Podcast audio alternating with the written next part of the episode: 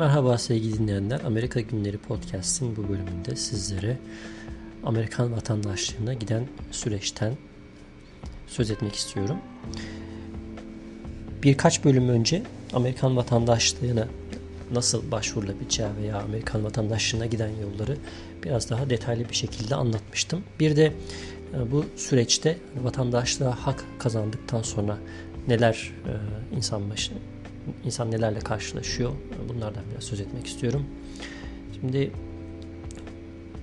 durumuna göre, yerine göre, konumuna göre ya başvurduğunuz vatandaşlık sürecine göre 3 ila 5 yıl arasında değişen bir green card süreci olabiliyor.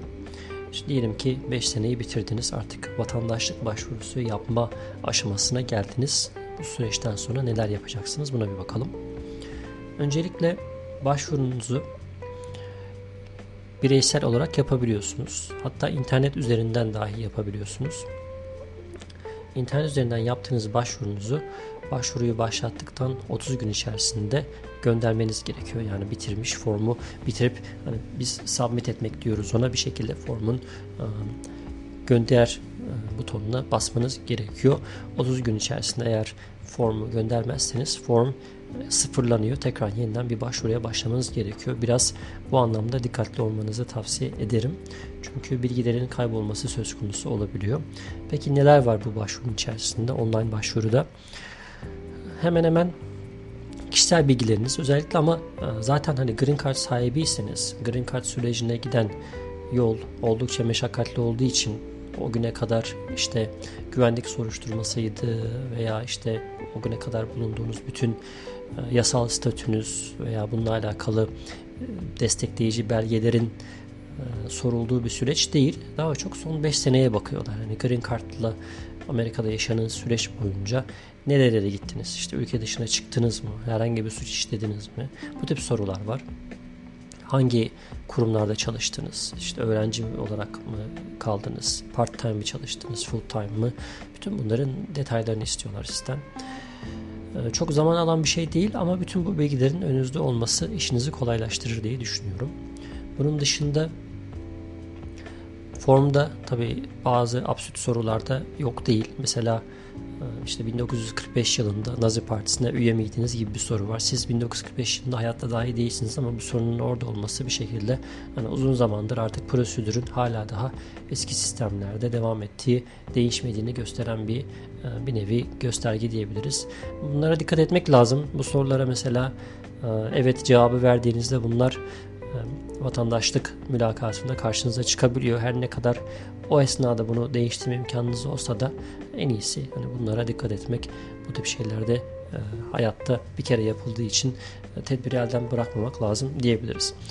Bu tip soruların olduğu bu formu e, doldurduktan sonra gönderiyorsunuz. Gönderdiğiniz form karşı taraftan alındığına dair size bir bilgi geliyor. Normalde 9-10 ay kadar süren bir süreç vatandaşlığa geçme süreci yerine göre, bulunduğunuz eyalete göre veya o anki vatandaşlık başvurularının yoğunluğuna göre süreç değişebiliyor. Özellikle son 5 yıl içerisinde Amerika dışına çıktıysanız hangi ülkeye ne kadar çıktınız bunları önünüzde bulundurursanız işte pasaportta genelde bu giriş çıkışlar yer alır. Fakat özellikle Kanada Kanada'ya giriş çıkışlar çünkü pasaportta olmuyor. Direkt green kartınıza çıkabiliyorsunuz. Bunlar belgelenmediği için bu tarihleri bir kenara not almanızda fayda olabilir. Şimdi online başvuruyu gönderdiniz. Karşı taraf alımlara dair size bir e, belge gönderdi. Artık bekliyorsunuz. Bir sonraki aşama parmak izi ve güvenlik soruşturması. Bunun için size bir yer ve zaman gönderiliyor. Orada belirtilen yer e, ve zamana göre riayet ederek e, parmak izinizi vermeye gidiyorsunuz.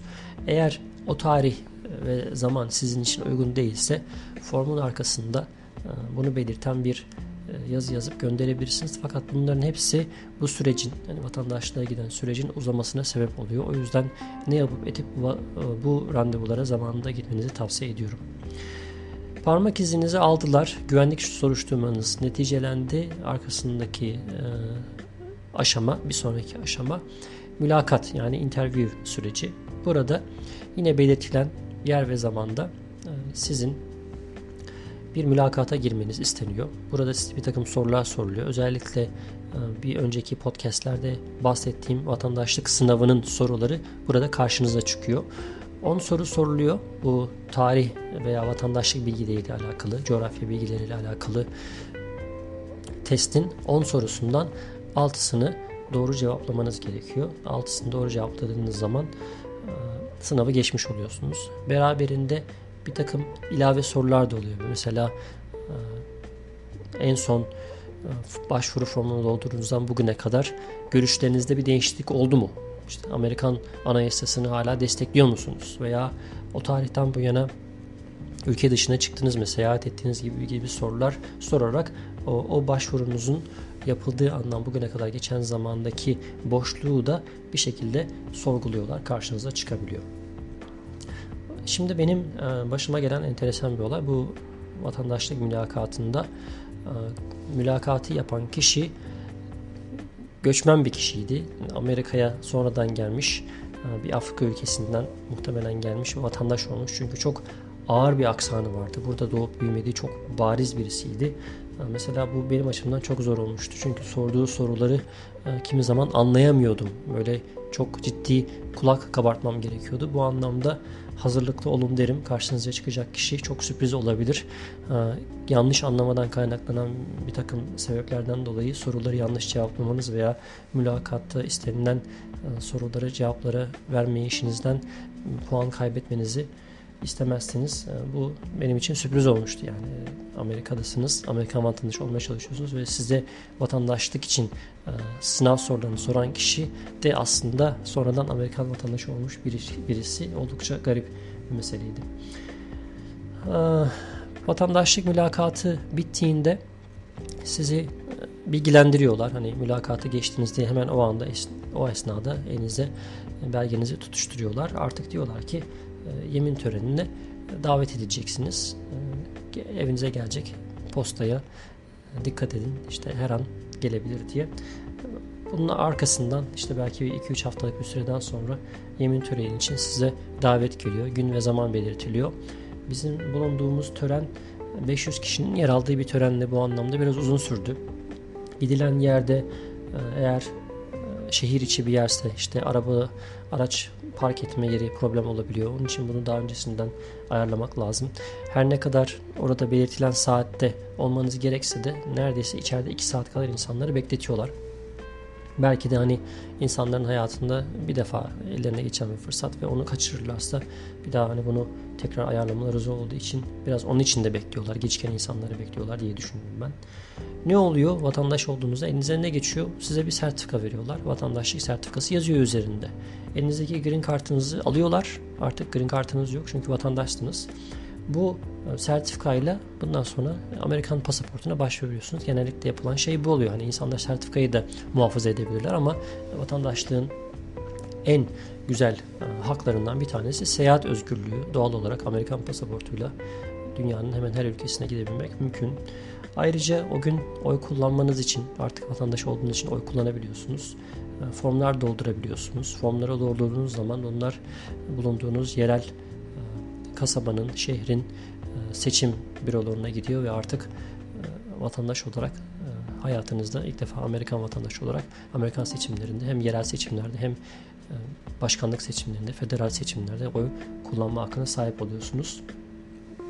Yine ironik olan şey e, Amerikan vatandaşlığına geçiş töreninde benim dikkatimi çeken e, Başkan Trump'ın konuşmasıydı. E, çünkü her başkanın anladığım kadarıyla yeni vatandaş olan göçmenleri selamlayan veya hoş geldiniz diyen bir konuşma yapması bekleniyor. Trump da her ne kadar malum göçmen karşıtı politikadıyla bilinse de böyle bir konuşma hazırlamış ve oradaki göçmenleri vatandaşlara davet etmişti ve salonda ciddi bir alkışta koptu açıkçası e, oldukça şaşırtıcı bir durum ama neticede Amerikan Başkanı Amerikan Başkanı size vatandaş olduğunuz için teşekkür ediyor ve sizi e, tebrik ediyor. Bu anlamda farklı bir ortamda diyebiliriz. Vatandaşlıkla gelen görevler, e, haklar, mesela jüri olma özelliği her Amerikan vatandaşının mutlaka jüride yer alması gerek duyulduğu durumda. Yani bu da rastgele şeye bakılarak eyaletteki e, vatandaş kayıtlarına bakılarak size herhangi bir zamanda sıra gelip jüri olmanız istenebiliyor. Sadece vatandaşlara özgü bir şey. Eğer vatandaş değilseniz size jüri olma kağıdı geldiyse çünkü bunları şeyden de yapabiliyorlar. Hani sürücü belgesi kayıtlarından da yapabiliyorlar. O zaman ben vatandaş değilim, jüri olamam deyip bilgilendiriyorsunuz. Bir daha sizi rahatsız etmiyorlar. Bunun dışında dediğim gibi vatandaşlıkla gelen haklar malum pasaport sahibi olma, seyahat özgürlüğü ve oy kullanma hakkı olarak karşımıza geçiyor. Amerika çifte vatandaşlığa müsaade eden bir ülke. Vatandaş olduğunuz durumda sizin hali hazırdaki ülke vatandaşlığınızı bırakmanız veya çıkmanız beklenmiyor.